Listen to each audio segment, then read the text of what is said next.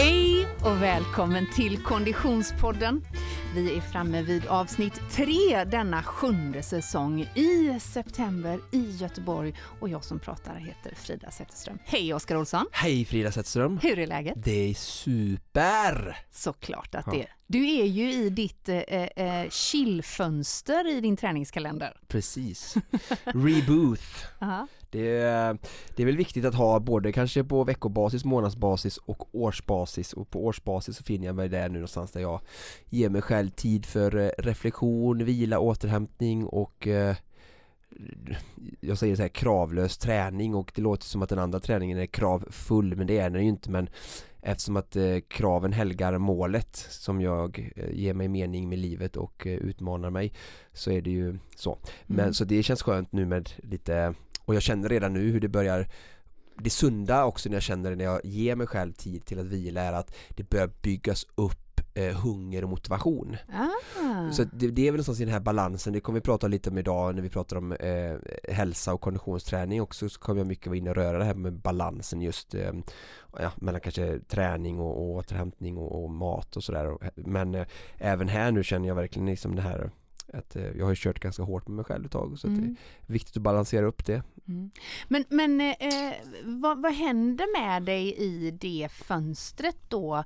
Eh, eh, det, är, det, är, det, är det bara eh, liksom en växen hunger av att få träna mer eller eh, får du någon känsla av att så här, ja men det är ju rätt gött att bara chilla också? Kommer det något sånt? Nej, alltså nej, nu säger jag nej men eh, ja det är gött, just nu njuter jag Ja. av att bara inte göra någonting. Mm. Och jag kan känna när jag är precis innan till exempel då Supervasan eller VM att den där perioden i september den kommer jag behöva. Just det. Men det är ungefär, det är ungefär så att när du ligger och sover på natten Ja. Känner du klockan åtta på morgonen och du somnar och sover bra så här, "Ah, Det var rätt gött att sova, jag vill sova åtta timmar till Nej, det känner du inte Det finns ganska många som skulle säga att de känner det. men då är det ju, då, då ligger ni kan säga på en, då har ni gått för långt för länge kan jag säga för en normal kropp ska ju känna så här att Åh, nu är jag utvilad, nu vill jag ta den här dagen och göra det bästa av den och fylla den med det jag vill fylla den med och jag är utvilad och jag mår bra. Ja. Och så jag menar, det jag känner nu är ju, svar på din fråga blir ändå så här att jag känner ju att, det, att jag behöver det och min kropp behöver det att, att vila och ta det lite lugnt och ladda om både mentalt mest kanske men även lite fysiskt och skavanker eftersom att jag utsätter kanske kroppen för lite mer än gemene man. Ja. Men jag skulle ändå kunna jämföra det också med till exempel eh, när någon som bara tar en söndag eftermiddag med en bok framför brasan i vinter och, och laddar batterierna inför en ny vecka och kanske ja, men stänger av telefon, inte tränar, eh, ja, inte Mm, gör mm, någonting som mm. stressar utan bara ger till sig själva eller är iväg på ett spa en Mm. dagsspa eller vad det kan vara. Så det, det så ser jag i den perioden. Sen när du har gjort det, och ofta säger vi människor att när vi har gjort det så är vi så här, nu är vi utvilade, färdiga, nu har vi gett det, nu behöver vi ge kroppen med det andra och, och det andra är ju då just motstånd, utmaning som jag pratar om annars. Sen kan, och det kan vi ge till oss själva på olika sätt. Alltså Mm, en del av mm, motstånd och utmaning kan ju vara att liksom bara ta hand om familjen, mm. gå till jobbet, ja, träna. Alltså jag, jag tänker så här, för, för den konditionspodden-lyssnare som inte riktigt hänger med och har följt oss i detalj så handlar det ju om att du eh, för ett antal veckor sedan eh, tävlade i Ötö eh, och tog hem segern vill jag bara Mm. säga många gånger här. Och därför nu då har en lugnare träningsperiod och det är det, det fönstret du befinner dig i. Men, men jag är så imponerad Oskar och jag är genuint imponerad av att du lyckas hålla isär vad som påverkar dig. För att jag tänker att det, det är ju allt det du säger är ju naturligtvis otvivelaktigt rätt i bemärkelsen vad, vilka drivkrafter vi ska liksom förhoppningsvis lyssna på. Men jag tror att väldigt många lyssnare med mig kan ha svårt att, även om jag har den kunskapen med mig, att, att jag vet liksom vad min kropp behöver och, och att jag eh, borde vara liksom utvilad när jag vaknar på morgonen efter eh, sömn och sådär. Så tror jag att många faller i fällan av att man låter sig påverkas av att oh men shit, nu blev det sjukt mycket på jobbet eller oj, nu blev min mormor sjuk eller oj, nu är, är, har barnen det är trassligt i skolan eller oj, nu måste vi bygga om huset. Alltså alla de där liksom yttre faktorerna då. Att man ändå det är svårt att bara följa sin, in, sitt, sin inre röst. Förstår du vad jag är ute efter? Ja. Eh, jag förstår att det är svårt och jag har själv levt ett liv så jag kan tala ur liksom egen erfarenhet där jag kanske inte har gjort det i samma utsträckning som jag har gjort i min senare delen av mitt vuxna liv. Så jag förstår det du relaterar till Men jag kan bara säga att tyvärr så är det fortfarande ingen ursäkt. Jag förstår att det inte är det du letar efter men jag kan bara möta eh, lyssnare och andra människor med att jag vet hur svårt det är. Ah. Men ibland så behöver vi göra det svåra för att lyckas och komma ut på rätt sida i det långa loppet och då är det just det här att du använde alldeles nyss ordet jag måste renovera huset. Jag mm. förstår att du kanske inte menar det bokstavligen men många människor använder just ordet måste ofta och eh, just skyller lite, inte så att jag skyller men pratar om de här andra sakerna som du nämner och som händer situationstecken i livet men jag hävdar väl någonstans att vi allihopa är ansvariga för de sakerna mm. eh, händer oss eh, och vi någonstans har satt en situation och då handlar det bara att i den stunden när du känner att eh, situationstecken händer mycket bara plötsligt så är det någonstans bara att försöka stanna i det, eh, vara självkritisk och se hur kan jag påverka mitt liv för att fler sådana, mycket sådana saker ska hända på en och samma gång för jag tror någonstans att vi har kontroll över vårt liv och vi kan styra det åt olika riktningar för att mm. få mindre sådana för att annars om, om vi säger att vi inte kan det, nej men då, då är vi ju helt kan vi inte påverka ja, men våra liv alls. under omständigheterna. Ja, precis. Ja. Men jag, och jag tänker ändå så här att, att jag, jag jag, jag, köper det resonemanget men jag tror ändå att det finns många, jag, jag, skulle säga att du är ganska unik mm. eh, i att, för du lever ju verkligen som du lär dessutom, det här är ingenting, det är inga floskler du sitter och bara drar, drar, i podden utan det, det är ju så här du ja. verkligen eh, lever och jag är imponerad av att du lyckas hålla då alla de här andra faktorerna ifrån ditt eget mående. För jag mm. vet ju att du drabbas av en hel mängd utav de här faktorerna som jag just räknade mm. upp. Absolut. Men, men det är, jag, jag, skulle säga att det är en konst. Finns det, vi, vi är i en väldigt spännande diskussion nu, jag är tacksam för dina vet du, vad säger, smicker får jag ta det som. Eh, men finns det någonting att vi kan liksom, kan du ställa några frågor till mig i min vardag eller mitt, det som händer nu för att vi ska kunna alltså det, lyssnarna ska kunna lära sig någonting av detta. För det är ju en väldigt spännande grej. För det är ju ett, det är enkelt att bara säga så här men du som människa du har ansvar för allting och mm. allting som händer dig. Jo men det kanske alla kan skriva under på och medvetna om men det hjälper kanske inte dem i nuet ändå. Nej Ja, eh, jag tror att du, jag tror att du strösslar ganska generöst med de tipsen i och för sig. Okay. Mm. Eh, så att jag tycker du är, är, är bra på det och, ja. och, och delar med dig av det. Um, men jag tror att det är så här, jag, jag, tror att det är viktigt att man försöker ha med sig en ödmjukhet inför att även om folk förstår det här vi pratar om. Mm. För de flesta av våra ja, lyssnare har ju ett genuint intresse, man har ändå klickat in på det som heter Konditionspodden. Så någonstans vill man ju ändå ta det här till sig. Men trots att man förstår det så tror jag ändå att det är väldigt många som brottas med, med att man känner sig kanske inte som slav under omständigheterna eller fast i ekorrhjulet eller alla de här kryscherna som, som, som vi slänger oss med. Men att man ändå påverkas av av omständigheter liksom, som gör att det är svårt att landa i att ja, men jag lyssnar bara på min egen inre röst och kroppens behov.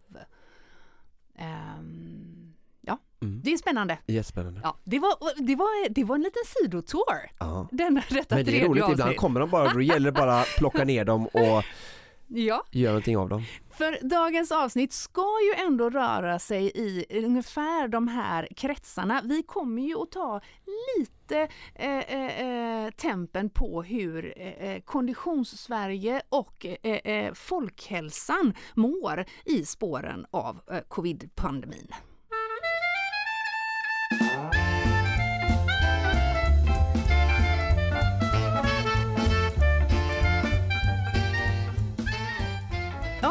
Dagens ämne eh, hanterar ju helt enkelt det lilla nätta eh, eh, rubriken eh, Hur mår egentligen eh, folkhälsan och konditionssverige?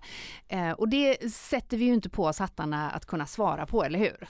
Nej, jag, jag ser det mer som ett, ett filosofiskt avsnitt som vill lyfta flera olika perspektiv för att kanske bara öppna upp, eh, ja, men öppna upp människors ögon för fler mm. perspektiv utan att säga vad som är rätt eller fel för jag har verkligen inte svar på, på alla frågor och säger inte vad som är rätt eller fel. Jag kanske bara saknar lite fler nyanser och det är väl som när vi eh, ska välja tapet hemma. Så tar vi fram olika tapeter och sätter mot varandra för att liksom kunna, ja men det här kanske passar bättre här. Eller liksom, eller göra andra människor i din arbetsgrupp komma till tals för att få fler synvinklar för vi alla människor har olika kompetenser att eh, tillföra. Mm. Men för, för, du är ju eh, tämligen ofta eh, eh, när, när vi eh, ska käka lunch eller ta en kaffe innan så är ju du frustrerad på min bransch om jag nu representerar mediebranschen och jag kan ju ibland eh, kanske bli lite hemmablind eftersom jag befinner mig mycket i, i mediaproduktionsbruset. Men och det som din frustration ofta rör sig kring är ju en, en ensidig bild. Att vi inte liksom kanske ger fler perspektiv. Men jag tänker att om vi bara ska bena upp det lite, för vi får ju sällskap. Hej Niklas! Hej! Vi fick ju en tredje röst in i studion.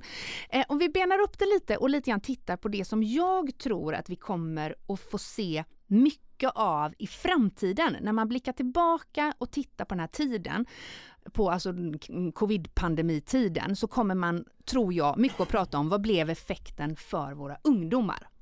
De mm. som ändå någonstans eh, eh, blev väldigt drabbade eh, av nedstängningarna eh, men kanske inte var i den största riskgruppen. Det tror jag är någonting vi kommer titta mycket på. De effekterna av den nedstängningen och den isoleringen som det för många ungdomar eh, har inneburit, den ser vi ju inte ännu. Men Niklas, du jobbar ju ändå som ungdomstränare.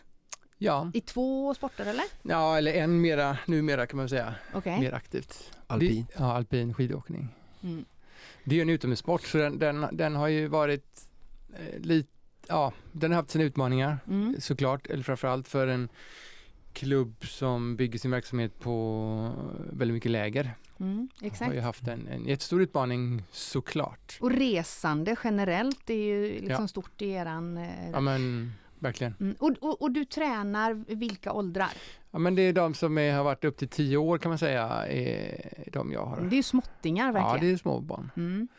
Och där, men vi har ju i föreningen så har vi ju hela spektrat från liksom sexåringar upp till 16-åringar. Så mm. vi, har, vi har ju hela, hela spektrat och det har ju slått lite olika på mm på de olika åldersgrupperna. Och när, det, när vi pratar så små barn så är det ju också så att där är ju föräldraansvaret väldigt stort. Där antar jag att det kom, har varit väldigt beroende på hur man som familj har tagit beslut på hur man följer restriktioner eller liknande. De barnen får ju inte direkt bestämma själva oftast antar jag. Nej, så är det. Om man ska hårddra det så, så kan man säga att restriktionerna har delat in ja, människorna i två läger. Mm de som har drivet och kreativiteten att hitta liksom lösningar runt mm. eh, restriktionerna kan man Just säga. Det. De som hade det under den tiden? Ja, ja och nu ska jag ska rita, det, det låter lite. Men, och sen är det de som ganska strikt har liksom följt eh, mm. Folkhälsomyndighetens ja, det de faktiskt säger. Ja, res inte, eh, träffa inte människor, gå inte ut. Mm. Och det har ju också varit en utmaning i, i föreningarna. Liksom. Ja, men, ja, det är klart att vi ska göra som de säger, men kan vi göra det på ett sätt så att det fortfarande är säkert eller ska vi bara stänga ner? Vad tog din klubb för ståndpunkt i det? För jag antar att man som tränare måste rätta sig också till viss del efter vad man som klubb bestämmer. Ja men absolut, och ståndpunkten som, som förening var ju såklart att följa hälsomyndighetens eh, restriktioner. Ja. Eh, sen kunde ju vi inte så att säga, stoppa eh, i våran, I våran klubb och våran idrott så är en hel del verksamhet bygger på föräldrainitiativ. Just det. Att man eh, åker iväg eh, och arrangerar någonting i en föräldrakonstellation. Just det. Och den kunde vi inte liksom bromsa eller stoppa liksom, eller hindra sådär. Men, men det, arranger, det var ju okej, okay, enligt Folkhälsomyndigheten var det okej okay att arrangera träning utomhus. Just det. Så, så vi kom ju undan på så sätt att vi kunde träna utomhus. Men sättet att ta oss dit fick ju inte vara organiserat. Så vi kunde ju anordna en träning på en annan ort. Mm. Men vi kunde inte resa dit gemensamt. För då blir det ett läger. Ja, så, så vi, vi, kunde ju vara där och träna men vi kunde liksom inte bo ihop eller, eller ha arrangerat läger utan det, det fick ju vara träning på annan ort. Du är ju som väldigt många andra eh, tränare eh, i Sverige också förälder eh, för barn i, i den här klubben. Va, va, hur, och därför har du ju även föräldraperspektivet menar jag. Hur gick snacket mellan familjer? För jag bara dristar mig till att tro att det skulle kunna skapa lite osämja i olika eh, beslut. Ja, det, det, var ganska, det, var, det var stundtals ganska tuffa tuff jargong, mm. tuffa ord liksom. För det är klart att det, det, det finns ju ytterligheter inom alla synpunkter och de som verkligen, verkligen tycker att det här var eh, det är en allvarlig situation och att tolka liksom reglerna väldigt, väldigt strikt mm. hade ju såklart väldigt starka synpunkter på de som inte tolkade lika yeah. strikt eller gjorde sina egna val. Då. Så det, ja, det var en utmaning att hålla ihop det. Men jag skulle nog ändå inte vilja lyfta våra, alltså den, så att säga, just alpinskidåkningen som är en ganska liten eh, idrott i södra Sverige. Mm. Jag skulle inte vilja lyfta fram det som det största problemet utan mer att titta på idrotter som mina barn kanske sysslade med där det var mer inomhusbaserat. Just det. Och eh, eh, vår yngste kille han tränar ju basket och de fick inte göra det på, ja, nästan ett år tror jag. Ja. Och det resulterade ju såklart att han slutade med basket. Ja. Så, så där blev det ju ingen, för den sporten har det varit supertufft. Mm. Eh, fotbollen har ju klarat sig lite bättre, de har kunnat vara ute och träna. Mm. Eh, och det kanske har, eh, ja, Tennisen gjort. har ju ni även eh, i, i familjen. Jag tänker det är en den har inte varit lika eh, hårt drabbad skulle jag säga. För mindre den, grupper Ja, mindre grupper och man mm. har liksom haft större ytor sådär. Mm. Så men det stora, de som inte, jag skulle säga om man ska sammanfatta det, så de som inte haft det där drivet mm. eller den där superentusiastiska föräldern, då har man ju blivit väldigt hårt drabbad. Ja. Vad ser du för, eh, hur, hur, hur går snacket jag på att säga, eller vad ser du bland, eh, eh, bland ungdomarna? För eh, vi har ju barn i samma ålder, eh, vid 16-årsåldern, tämligen känslig eh, ålder också för eh, eh att, grupptryck och annat.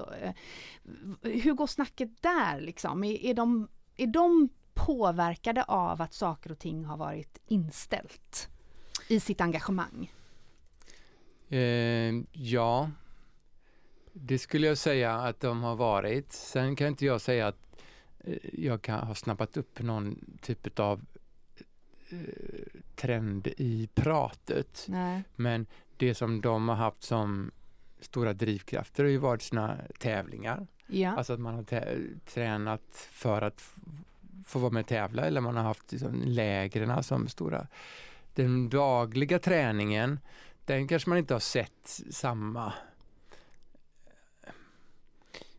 de, ja, jag skulle säga att det, det, är mer jag tycker att det är en utmaning att få eh, i alla fall mina barn mm. att träna av eget driv varje dag. Just det. Alltså de, om de har det planerat mm. Då gör de det. Då Just går det. de på sina träningar och de tycker det är roligt. Mm. Men att om man tar bort allt det där och säger ja men eh, träna lite själva. Mm. Det, jag har inte lyckats få dem att göra det på egen hand. Nej. Och jag tycker jag ser, det, det tycker jag man ser väldigt lite av. Ja.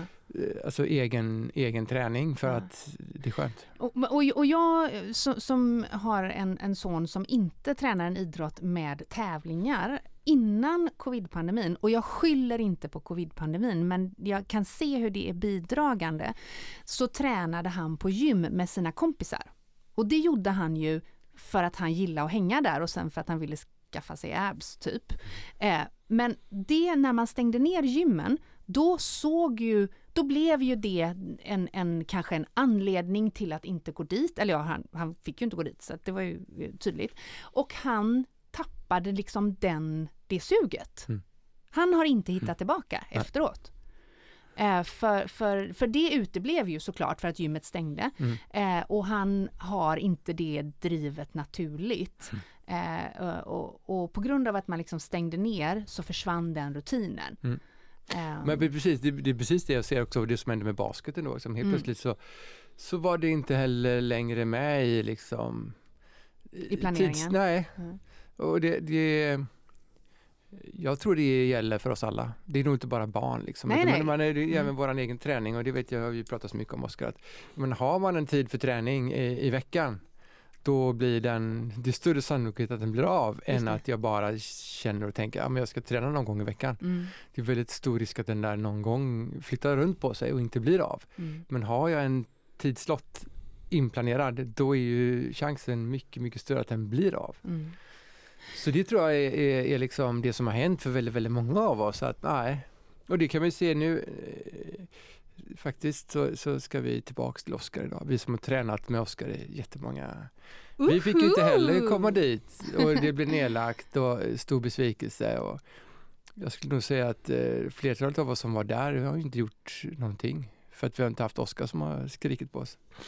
Så, eh, men nu, nu idag ska vi tillbaks. Och jag menar, då kan man säga, ja, men ni skulle ju kunnat, vi skulle ju kunnat eh, träffats, alltså det finns så många olika, jag ser också det både i de här Eh, när han säger allting detta, jag blir ju uppriktigt ledsen alltså för hur mycket jag upplever att kanske ungdomar och barn har fått ta smällen för det som jag ändå hävdar är liksom en folkhälsosjukdom alltså Alltså Corona drabbar så hårt för att så många inte har tagit ansvar och nu får unga och barn lida för detta. Sen kan vi återigen då stå på olika, ha olika åsikter om exakt hur ändå situationen ska skötas för nu är det ju ändå så att, att den är här och mm. den skövlar många offer som eh, inte kan stå emot mm. eh, virussjukdomen men det var ju alltså allting stängdes ner alltså det är återigen tecken på jag kommer komma in på det mer idag där jag tycker att så mycket är svart och vitt och alltid så ställs allting emot varandra. Mm. Alltså vi ser det, och framförallt ser vi det då i, i, i sådana här fall men vi ser också alltså att det,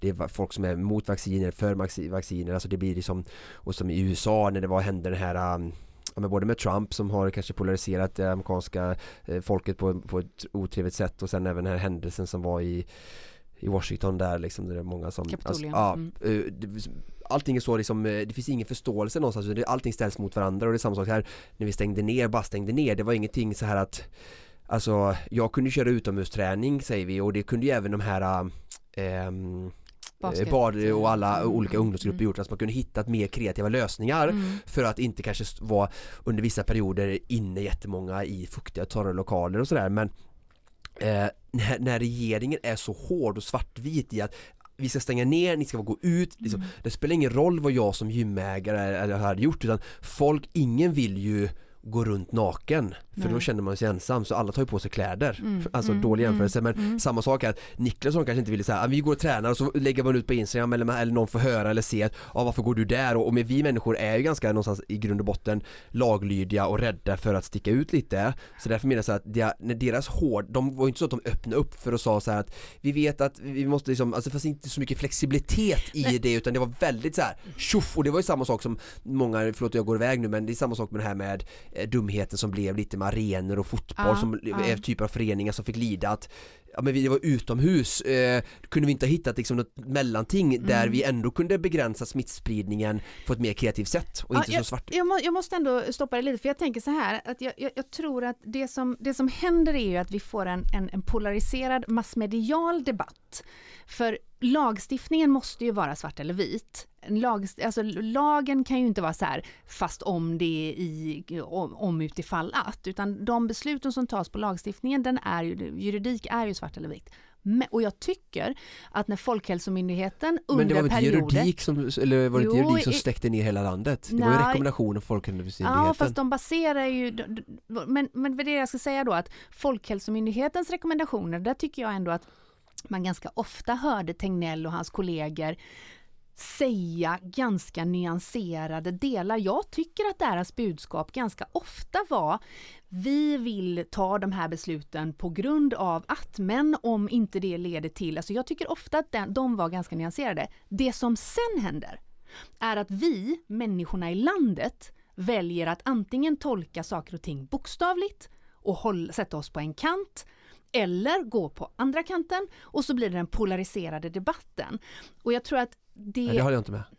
Vilket ja, men jag, jag, måste jag nog säga, för det hände i alla fall i våran klubb och det var ju just det där att man, det kunde ju släppas Alltså förutom då att, att, det var svårt att planera saker för att det, det ändrades mm. från gång till gång. Men när det väl eh, släpptes en ny restriktion mm. så fanns det så många tolkningar av mm. den. Vilket också gjorde det så otroligt eh, Eh, tungarbetat och svår administrerat. Ja men nu sa de det, man, man kunde åka över två eh, landskapsgränser, det var okej. Okay. Ja. Ja, Exakt det jag menar, jag, jag inte håller med dig. Ja. Alltså jag menar att när de kommer med rekommendationer som inskränker på våra barn och ungdomars aktiviteter ja. så kan man ju lägga fram det mindre svartvitt, alltså man måste få förståelse hur människor fungerar. När vi sätter den här restriktionen så kommer folk lyda blint, vilket de flesta svenskar gör. Sen var det vissa som misskött sig, jag vet.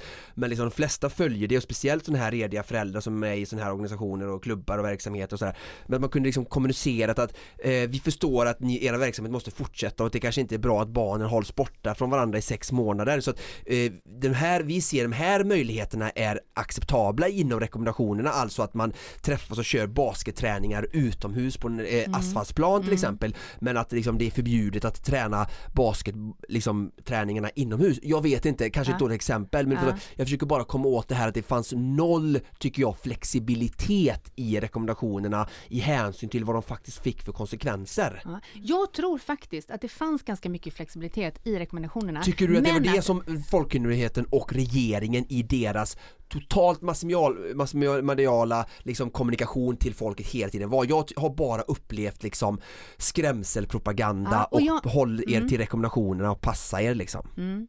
Och då tror jag att det snarare handlar om en massmedial bild och den diskussion som när... Massmedia har byggt upp i så fall. Ja, För ingen att... enskild människa kan göra det även om folket är eh, såklart eh, delaktiga att, att spinna på massmedia. Men någon med makt att nå ut, alltså massmedia, måste ju ha startat detta i så fall.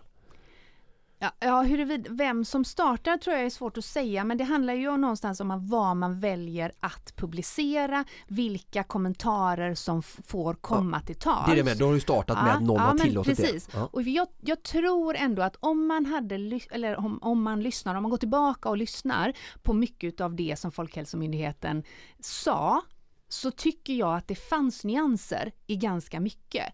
Men det som blir är också att det blir ju det blir en del kontrabudskap där till exempel när man pratar om den eh, organiserade föreningsidrotten så kunde det ju om man ville lyssna blint på, alltså bokstavs, bokstavligt, om man också lyssnade på förbud mot att samlas på offentliga platser till exempel, så är jag helt övertygad om att det fanns föräldragrupper som då sa, fast det går ju emot, då kan vi inte ha basketträningen utomhus till exempel. Nej. Alltså det, eller att man inte fick resa över två kommungränser. Eller, det var ju flera Men då kommer jag dit i att då ty tycker jag bara det var en dålig eh, rekommendation. Vilken då? Att man inte fick träffas på offentliga platser till ja, exempel då. Jo, men och, och då, då, tror jag att basen i det, det känns som att jag försvarar regeringens ja. ställningstagande här, ja. men jag tror ändå att basen i det var ju för att förhindra eh, de stora folksamlingarna.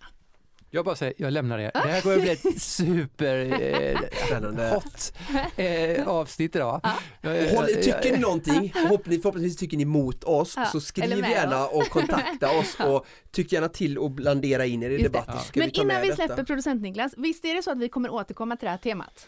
Ja, det, Nej, vi är klara nu.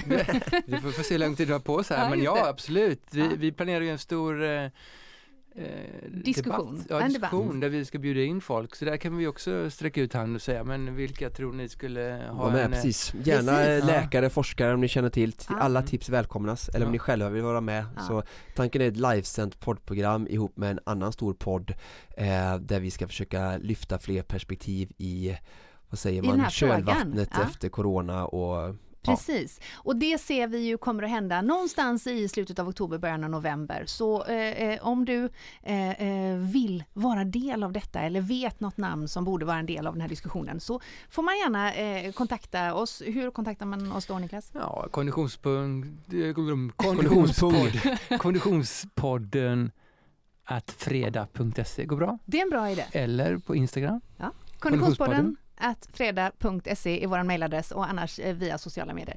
Då är du fri att gå tillbaka till spakarna, producent Niklas. Tack så mycket. Lycka till. Tack så mycket.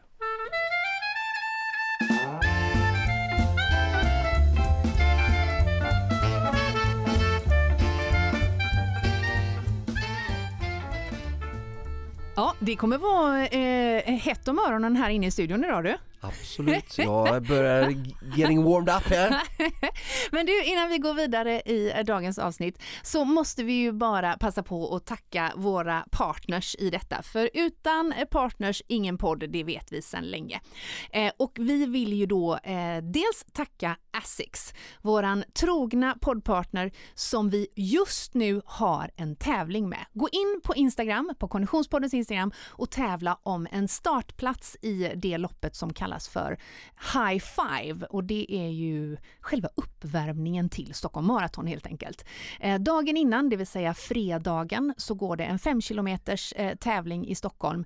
Eh, målgång inne på Stockholms stadion tror jag bestämt. Asics är ju med som partner både till Stora Stockholm Marathon såklart, till eh, High Five-loppet och till oss i Konditionspodden. Och i samarbete med Asics så lottar vi nu ut startplatser. Så in och tävla hos eh, oss på Konditionspodden om en startplats till High Five och eh, spring med oss och Asics i Stockholm helt enkelt.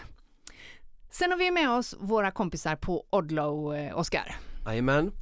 Eh, och de släpper ju, det är ju en ny säsong nu höll jag på att säga, vi går in i hösten så nu kommer det mycket eh, spännande produkter som vi ska eh, få testa både du och jag. Ja. Eh, jag ser fram emot här nu deras, eh, för andra året i rad nu så släpper de deras Trail X Alp som är eh, en vinterprodukt kan man säga för trailrunning och jag vet ju att trailrunning växer jättemycket här i Sverige och jag träffar genom swimrun men även genom löpning många som eh, ägnar sig mer och mer åt ultralopp och sådär så att eh, jag tycker absolut man ska kika in deras eh, Trail Alp kollektion som kommer nu i höst Spännande! För, eh, ja, om man gillar ja. traillöpning och jag kommer som sagt ja, ni som följer mig på Instagram kan eh, se lite av de här produkterna allt eftersom jag testar dem. Ja, är det något speciellt du har spanat på?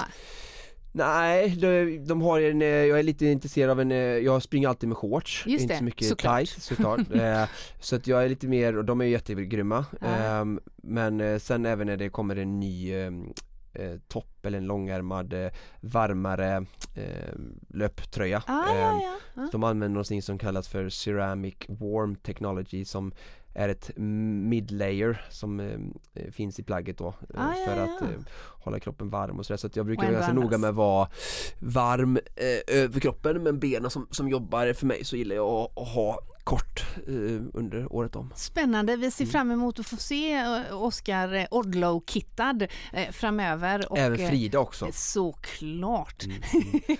ja, nej, men jag ser faktiskt också fram emot mm. att ta del av den här kollektionen. Jag mm. använde ju deras eh, eh, svarta kollektion i somras och var väldigt nöjd med den. Mm. Så tack så mycket Odlow för att ni hänger med oss den här säsongen. Och så har vi ju våra nya kompisar på Smartfish. Eh, det här är ju eh, ett omega-3 tillskott som vi, eh, du kommer att få börja testa eller du har mm. kanske till och med redan börjat testa? Inte börjat än men Nej. alldeles strax ska jag få testa. Ja, och om du som Konditionspodden-lyssnare blir eh, nyfiken på Smartfish så hoppas jag att du tar tillfället i akt. För vi har ju en rabattkod eh, och den är superenkel. Du använder den på smartfishshop.com kom Eh, och där skriver du helt enkelt bara in Konditionspodden. Eh, så får du också testa det här omega-3 tillskottet som ju eh, både ska hjälpa dig till en bättre återhämtning rent muskulärt men också såklart vad det gäller eh, flåset helt enkelt. Mm efter träning. Eh, så Smartfish, tack så hemskt mycket för att ni är med oss hela den här säsongen.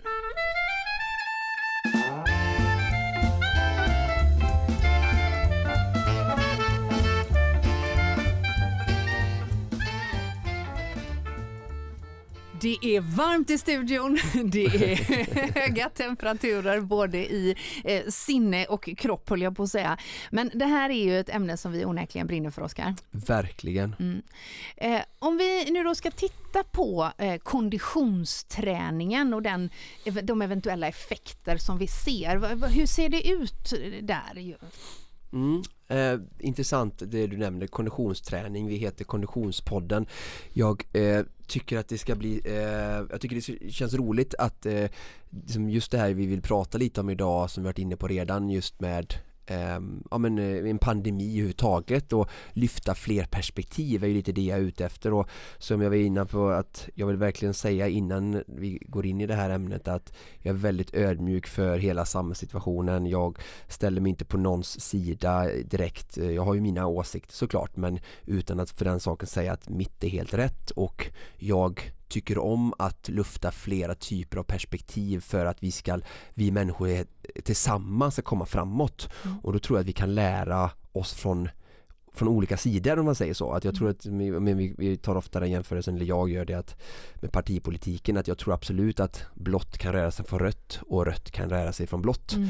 Eh, för båda har ju bra saker. Sen kanske för en väljare att den ena sidan har lite mer bra saker än den andra och så vidare. Och samma sak här då att jag kanske tycker att jag är väldigt tacksam att vi har, eller att jag har Konditionspodden som ett medium och att vi har så många lyssnare och sponsorer så att vi kan Det kan bli ytterligare ett medialt verktyg att nå ut till människor för det känns ju lite som när du pratade om förut det här med medias eh, Alltså vilken kraft de har egentligen yeah. och Och sådär att, att vi genom sådär, jag ser ju Jag följer Henrik Jönsson, en duktig liberal eh, som har en Youtube-kanal och har fått Några av partiledarna med, med till och med alltså att då har ju, har ju kanalen vuxit ganska mycket innan en mm. partiledare säger ja att vara med och det är också tycker jag ett bra exempel på fler medium, fler röster i samhället. Så att ju mer vi kan lyssna, ju mer faktainsamling vi kan få, ju mer perspektiv med ett öppet sinne.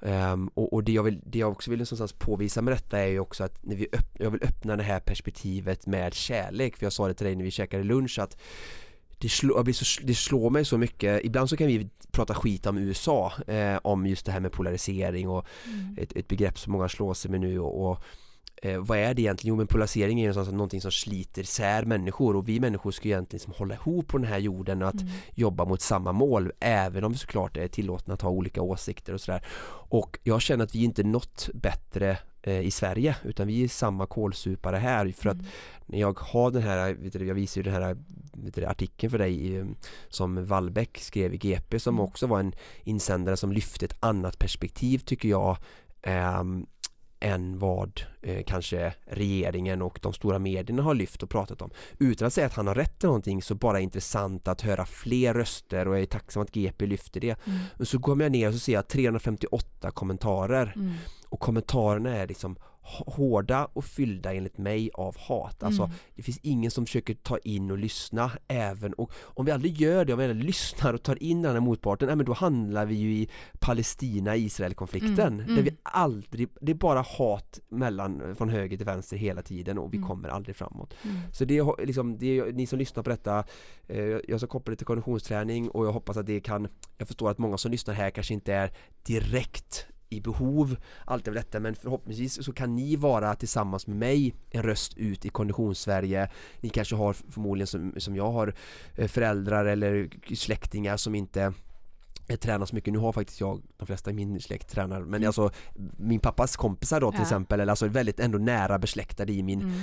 Eh, bekantskapskrets eh, har nästan noll konditionsträning mm. och vill verkligen eh, lyfta fram konditionsträning och nu pratar jag hela tiden, det som en monolog men Nej, eh, eh, jag vill att det är några begrepp som jag vill att du ska hålla koll på idag mm. eh, och då är det eh, hjärt-kärlsjukdomar ja. eh, diabetes mm. rökning mm. cancer mm. övervikt mm. fetma mm. det här är liksom lite, och det man kan säga att de har gemensamt är ju att de är, de kallas lite för livsstils relaterade sjukdomar. Mm, mm. Och för er som tycker det låter konstigt så är det alltså att det är alltså sjukdomar som har kommit upp av hur eh, människan liksom lever i, mm. i, inte i relation till någon annan utan hur jag eller eh, hon eller han lever sin vardag mm. och, och, fyller den då. Mm. Med, Räknas cancer in där? Absolut. Ja. Mm. Inte alla. Ja. Men vi kommer komma in på lite cancer och några cancerformer eh, som är kopplade till våran mm. eh, vårt sätt att leva. Just det. Eh, lungcancer är kopplat till rökning Såklart. och det är mm. Eh, kopplat till tjock, tjocktarmscancer kan ofta mm. komma från fetma och eh, mm. är också en, en allvarlig cancer som ofta kopplas till just då mm. övervikt. Mm. Ja, men så att jag vill att du har koll på dem lite, yeah. för när jag har sutt, jag har gjort väldigt mycket research och det, det är spännande med det vi kommer gå igenom idag är att jag ska försöka jag kommer läsa en del av det jag hittat och jag har lagt ner väldigt mycket tid på detta för jag mm. gillar detta um, och um, ska inte bara läsa till men det här är liksom information som finns uh, tillgänglig för alla mm. uh, jag har hittat i egen kurslitteratur men även mycket på nätet och det är Socialstyrelsen och det är Läkemedelsverket mm. och det är Vårdguiden 1177 alltså mycket som är forskningsbaserat och andra forskningsstudier mm. som, ja, det, så och, och, det som slår mig egentligen, jag sa det till eh, producent Niklas här också idag är att jag kan se att det finns väldigt mycket eh, information och kunskap och konstateranden i samhället mm. Men det finns ingen som eh, samman, eh, alltså det finns ingen som knyter samman detta. För att även om, om det spelar ingen roll om Socialstyrelsen håller på att konstatera en massa saker att det är det här som gör att människor dör eller att mm. vi mår dåligt eller vi behöver göra detta och eh, Jag har en rubrik här nere sen som står så här från eh, Socialstyrelsen Nationell strategi behövs yeah. eh, och, Om de konstaterar det, de är ju som säga skattefinansierade finansierade mm. och av oss skattebetalare till staten Men om de håller på att göra det mm. men sen finns det ingen Mm. Eh, från de som styr som, som drar i frågan om man säger. För jag kan säga att jag har jobbat i hälsobranschen eh, i många år nu och jag känner att jag liksom känner till den branschen ganska mycket. Så jag är ganska medveten om eh, hur den ser ut, eh, vad det finns för hjälp att få, vad, vad liksom, hur vi, alltså om staten eh, hjälper oss eller vad människor har för syn på träning och hälsobranschen och liksom mm. sådär. Så att eh, förstår du jag menar? Det, mm. det, alla informationen finns, alltså det, jag kommer säkert kanske vad säger man, flosker, alltså saker, självklara saker ah, ah. Men det hjälper tyvärr inte för vi har ju fortfarande den situationen vi har Där massa människor dör, är sjuka och inte ah, mår så bra Och då, då, spelar det ingen roll hur mycket öppna dörrar jag slår in Jag vill ändå, behöver vi fortfarande lite det här kunskap är repetitionens moder mm. Alltså att vi behöver höra det här om och om igen mm, mm. Och sen behöver alla vi människor take action och det kan vara till exempel att man som många av våra lyssnare kanske tränar och sköter sig jättebra med att man är på en, en fest eller kalas eller har någon i sin närhet och man kanske kan inspirera eller mm. påverka mm. så att vi människor börjar kanske dra åt samma och situationstecken rätt håll då vilket mm. är mot en bättre hälsa. Mm, mm, mm. Eh, konditionsträning då, eh, lite vet du det, vad man säger om konditionsträning rent forskningsmässigt. Eh, hjärta, kärl, blodcirkulation och fettförbränning fungerar bättre eh, och eh, muskelstyrkan ökar vid konditionsträning. Eh, även humöret påverkas. Regelbunden motion minskar risken för att få sjukdomar som är du med vad jag sa mm, förut? Ja. Typ 2 diabetes, högt blodtryck, övervikt, hjärtinfarkt, bröst och tjocktarmscancer. Mm, mm. Alltså konditionsträning kan motverka bröst och tjocktarmscancer. Mm. Saker som är, jag vet själv har nära inom släkten som har gått bort i bröstcancer mm. så jag vet allt om eh, de här eh, sjukdomarna mm. eh, och vet ju hur många det drabbar. Um, och sen fysisk aktivitet kan också lindra värk i leder, muskler, förhöjt blodtryck, oro och sömnsvårigheter. Mm. Så bara läsa det tänker jag så här att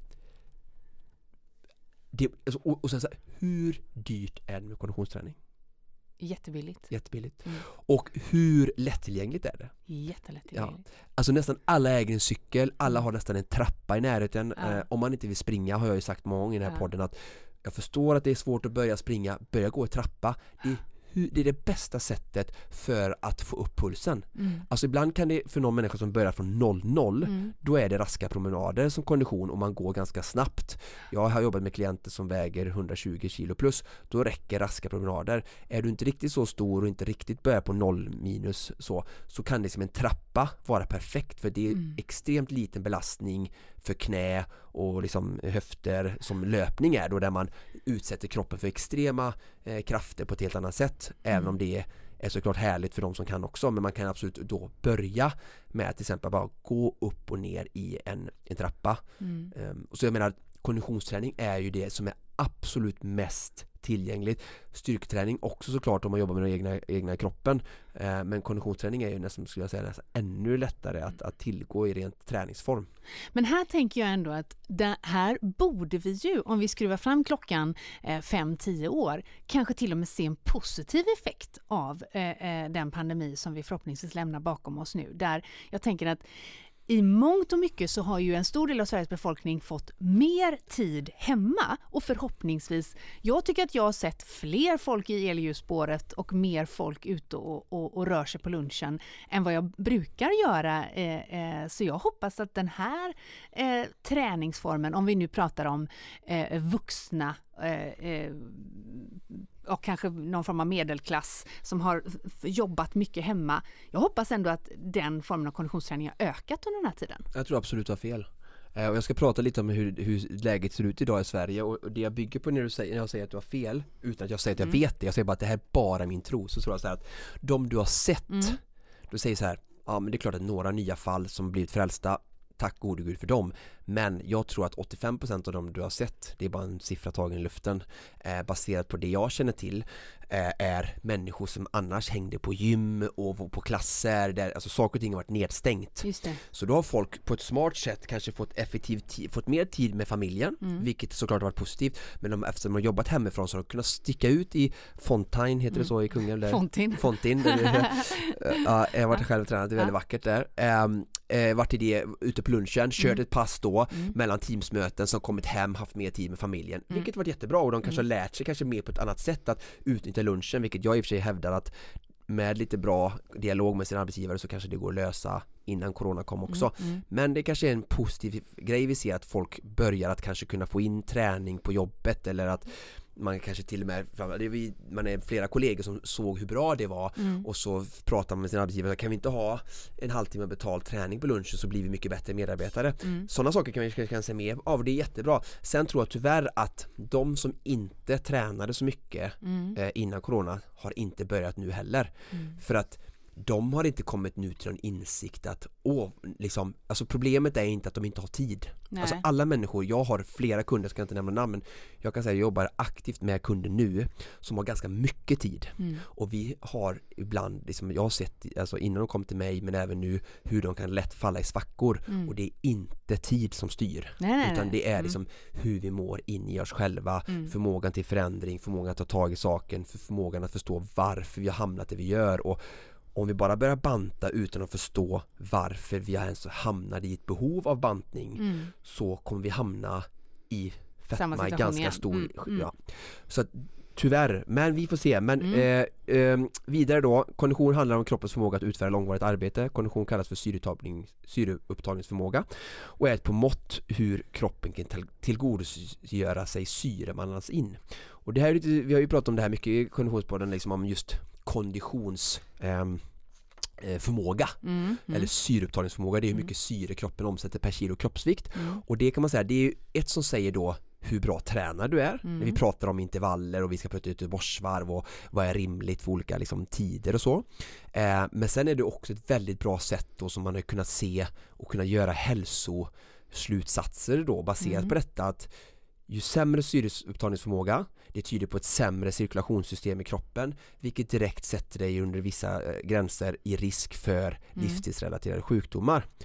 Um, och uh, då ska jag ta upp en, en liten rolig grej här um, och då står det uh, kommer från uh, svensk idrottsforskning och då har jag tagit fram en, en, en, en lista mm. där man kan testa sitt eh, Det var det här gjorde ah. vi faktiskt på avsnitt när du fick göra ett årsdagstest på cykel. Just det, ja, just det, precis. Då finns det olika siffror och så vet ju alla det här med typ, ja men 90 eh, Då var du för övrigt lite imponerad vill ja, jag bara... det var, det var och, och 90 eh, 90 hade vi ju som Gunde Svan ja. som ett übertak och absolut bästa skidåkarna i världen har haft där. En ja. elitlöpare har runt 75 ja. um, och, och, upp till 80 och så vidare. Men, men liksom eh, normala man eh, behöver inte ha över 50. Nej. Men då ska jag bara berätta lite och vi kan egentligen börja med eh, var den stora massan ligger någonstans men mm. vi börjar 23 till 27 då vilket är väldigt lågt så står mm. det stämmer testet på dig så har du kraftigt ökad hälsorisk din svaga kondition kräver en snar insats från din sida för att inte längre vara ett allvarligt hot mot din hälsa och överlevnad Just det, vi, vi backar bara till vad är det för tal vi pratar om nu sa du? 27, 23 till 27 milliliter blod, om, syreomsättning per Precis. kilo kroppsvikt Sy Syreupptagningskapacitet kan vi säga. som man mm. då får, det här värdet får man efter ett fystest ja, då. Ja. Som, så det, det säger mm. liksom hur mycket syre ja. och ju mindre syre vi kan producera det säger som jag sa allting om din Exakt. vaskulära förmåga, förmåga att liksom, ja. Mm. cirkulation i kroppen och liksom Ja. Men det här, och det här är ju ett vedertaget eh, mät, eh, begrepp, liksom, begrepp då. Mm. Um, risken för att dö före 65 års ålder är fördubblad. Just det. Och det är un under 27 sa vi va? Ja. ja. Sen har vi 28 till 34, nu börjar vi närma oss gränsvärdet för gränsvärdet är 35. Mm. Men 28 till 34 då. Yeah. Stämmer testet på dig så har du ett konditionsvärde som med stor säkerhet ökar din risk eventuellt kraftig för att utveckla eller förvärra en diabetessjukdom Kommer du ihåg att jag sa mm, diabetes? Ja, Kommer den igen? Metabolt syndrom, eh, tjocktarmscancer. Mm. Eh, sök hjälp från en hälsovägledare, person, personlig tränare eller hälsocoach. Mm. Om du har 28-34. Mm. Sen då pratar vi om 35. Mm. Och du sa eh, att det var ett gränsvärde i 35? Ja, så om du har över 35 så står det så här att 35, vanligen ingen ökad risk för ohälsa kopplat till din kondition. Just det. Så du kommer över 35, då har du börjat komma in på grönt. Mm. Även om det är liksom, det kanske inte är skönt att ligga på gränsen. Minimivärdet för alla eh, borde vara 35. Troligen ökad risk för sjukdomar kopplat till konditioner. Du kan troligen eh, troligen ingen ökad risk förlåt, mm. för sjukdomar kopplat till konditioner. Så då kan inte längre konditionen eller hälsan ses som en orsak till att du blir sjuk. Just det. Att då är det mm. liten chans att du mm. får sådana typer av sjukdomar mm. som vi har nämnt. Du kan troligen springa två kilometer på knappt 12 minuter. Mm eller, och det är alltså 6 minuter per mm, tempo, det mm, kan du relatera mm, till. eller milen på en timme och åtta minuter. Så det är en bra grej, så det kan vi skicka ut våra lyssnare nu. Att kan man springa milen på under 70 minuter ja. så är du troligtvis i grön runt zon. i grön zon troligtvis mm. Försök att komma ner mot kanske 65 för ja. verkligen eh, Om vi ser, ser här, här står det då 42 i testvärde, då går vi upp 7, då är man mm. verkligen övergrön mm. med, med, alltså jag ska också säga det att från 35 till 37 är ett väldigt ja. bra steg Just och från 35 till 42 är ett jättebra steg ja. ur ett hälsoperspektiv då och liksom eh, lägsta krav inom försvarsmakten eh, är 42 yeah. eh, 2 kilometer på 10 minuter och du ska klara 10 kilometer på en timma Just det Mm. Eller för du som gillar att åka Vasaloppet 15 km längdskidor på 85 mm. minuter mm. Så 15 Sjukt roligt att jag nu är en sån som gillar att åka Vasaloppet Ja, eller ja, eh, ja. Så det är ganska kul grejer och sen ja, kan vi se 45 här, krav för att bli antagen till polis och kustbevakningen Vad, vad sa du där var? Nu testvärde 45 45 mm. Och då kan man ha eh, springa 10 km på 56 Just det Mm. Jag har mitt högsta testvärde uppvägt på 78 ja. Vilket är ganska högt Eftersom men du är bara Gunde Svans lillebror Ja precis, nej det är jag långt ifrån Det är många som har haft högre än mig Men jag menar bara att Bara för att få perspektiv och det menar jag ja. inte att det är eftersträvansvärt Men eh, 45 där då 10 km 56 minuter ja. eh, Och då ska vi plocka fram lite eh, Då har jag kollat lite på eh, Sverige idag mm. Ehm, och eh, detta är från Svensk idrottsforskning En studie som är alarmerande för folkhälsan pratar man om. Där man, eh, detta gjordes eh, 2019. Eh, det vill säga före pandemin före ska pandemin, vi också ja. notera. Mm, mm. Mm. Eh, närmare hälften av 400 000 undersökta svenskar har så dålig kondition att sjukdomsrisken är kraftigt ökad. Just det, det vill säga under 20... Under 35. Under 35 då. Mm. Mm. Alltså en studie på 400 000. Det är en det är väldigt, väldigt kvantitativ studie. studie ja, och mm. då är alltså kvalitativ. Eh, en god maximal syreupptagningsförmåga är av enskilt starkaste faktorerna för minskad sjukdomsrisk, god hälsa, ett långt liv och bestämt framförallt av regelbunden fysisk aktivitet och tillräcklig intensitet. Studien visar på en kraftig nedgång i konditionen. Så då är det en studie som gjordes mellan 95 och 2017, alltså mm. jämförde läget 95 yeah. och 2017. Uh. Um, och det är nästan en fördubbling av andelen personer så att Som eh, har så dåligt värde? Ja, 90, mm. 1995, ja. det här är jätteviktigt att lyssna på detta, ja. då var det 27% mm. av svenska befolkningen som hade ett testvärde under 32 mm. Kom ihåg att 35 var gränsen mm, mm, mm, Och nu 2017, alltså 20 år senare, 22 år, så är det 46, alltså nästan 50% som är under 32? Som är under 32. Så nästan varannan svensk vuxen har under 32. Och då läser jag för dig igen vad som står mellan testvärde 28 till 34. Stämmer testet på dig så har du ett konditionsvärde som med stor säkerhet ökar din risk för eventuellt kraftig för att utveckla eller förvärra en diabetessjukdom, metabolt syndrom, tjocktarmscancer. Sök hjälp omgående till hälsovägledare personlig hälsa. Mm. Ring O2000. Ja, precis. Tack. eh, som har blivit, jag höll på att säga, satt i graven efter pandemin.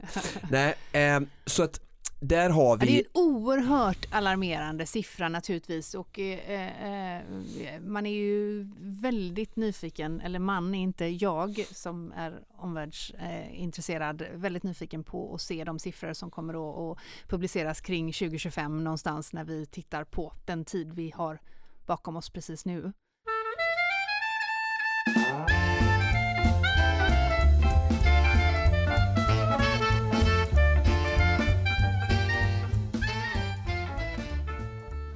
Och nu när vi fortsätter i debatten så kommer lite ljus i debatten innan jag fortsätter med mörkret. Ja. Säga. För mig är det ett mörker, det vet jag inte om det är för alla lyssnare men, men för mig är det och det borde vara det för de som styr landet.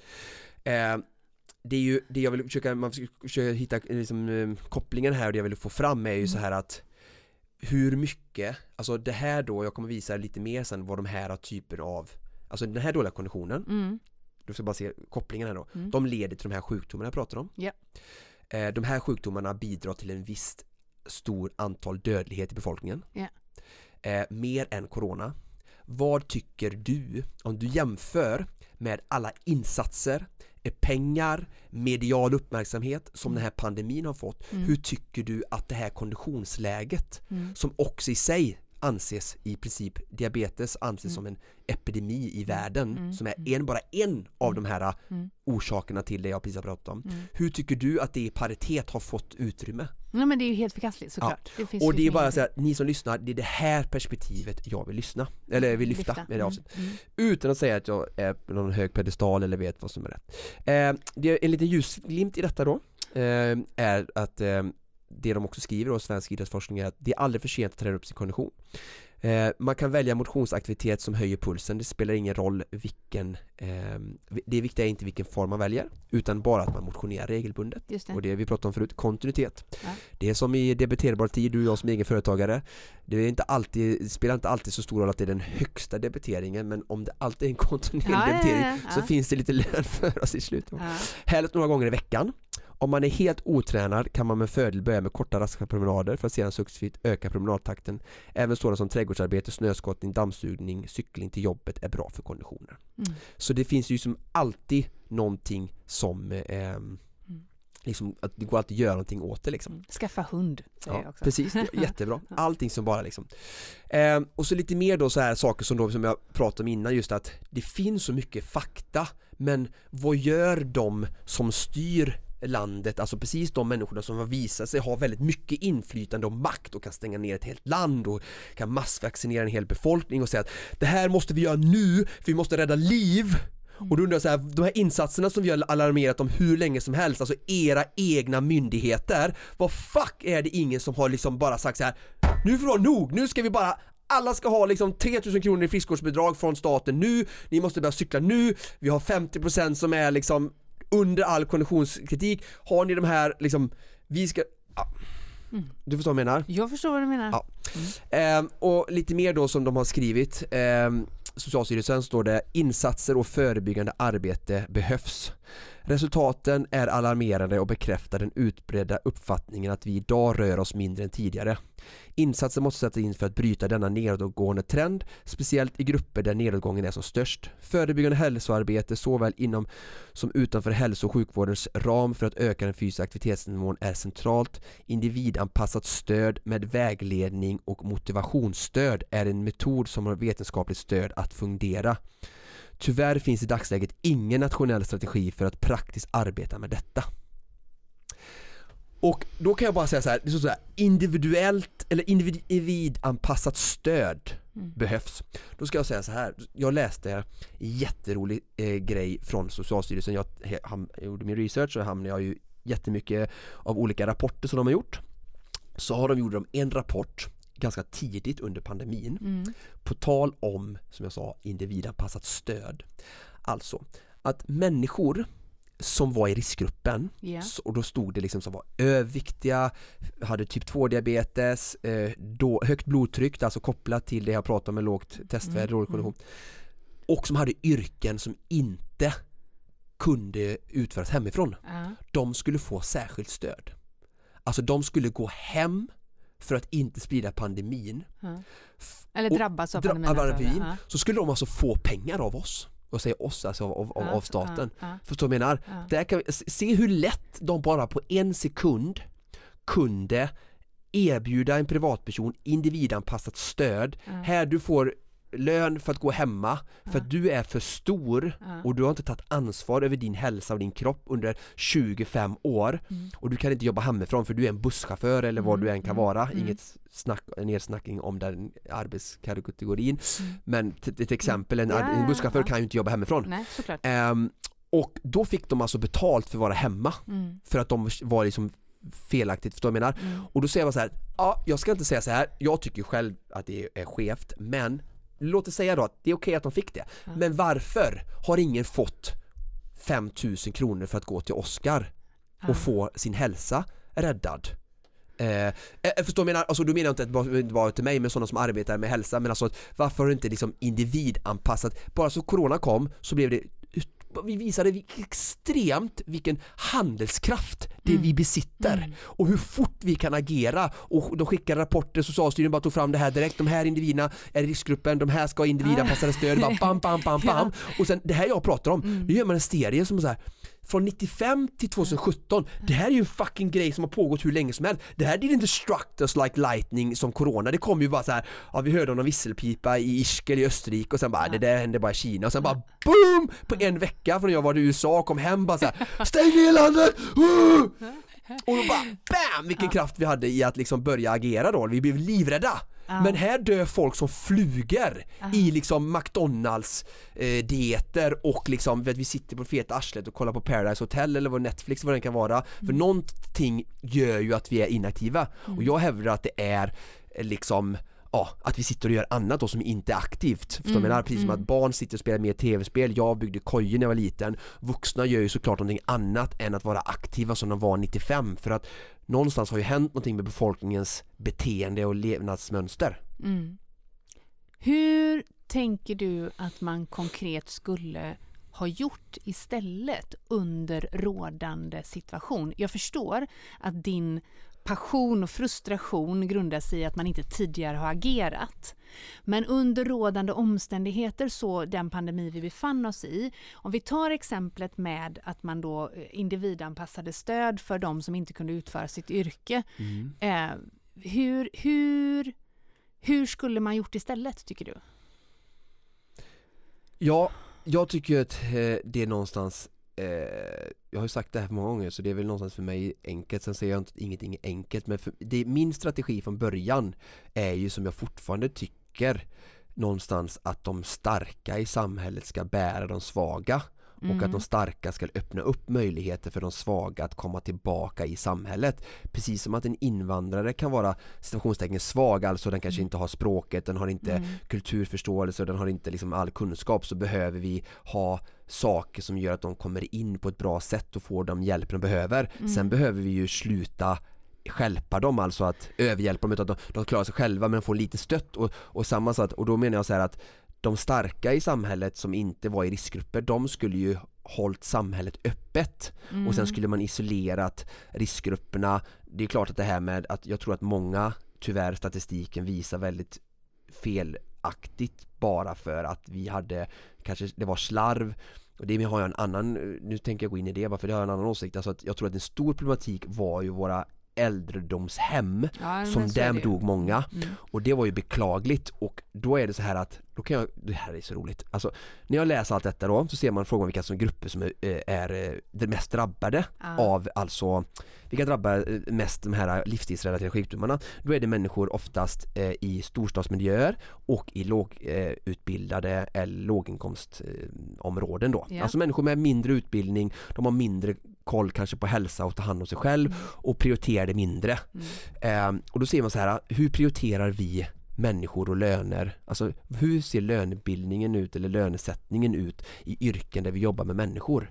Ja, den är ju förkastlig egentligen. Mm. Alltså jag har jobbat med ställning och bygg och sånt där mm. och att jobba med och slå någon jävla eh, metallbit ihop mm. är liksom 50% högre avlöning än att ta hand om våra stackars äldre som ligger mm, barn. Mm. Jag, säger, jag tycker fortfarande på fri marknad och jag säger ingenting så men det är fortfarande någonstans det, den typen av värld och eh, synsätt som vi allihopa, jag mig själv inräknat, har varit med och skapat. Mm. Att, och då menar jag så här, om vi har låg utbildning, alltså det, mm. jag vet till exempel, jag eh, kan inte nämna några namn nu men jag kan veta i en stad där jag har mycket kontakter där min mor har jobbat eh, så var det ny Alltså man hade nyanlända människor som jobbade inom äldrevården som mm. verkligen inte hade bra koll, inte kunde språket bra.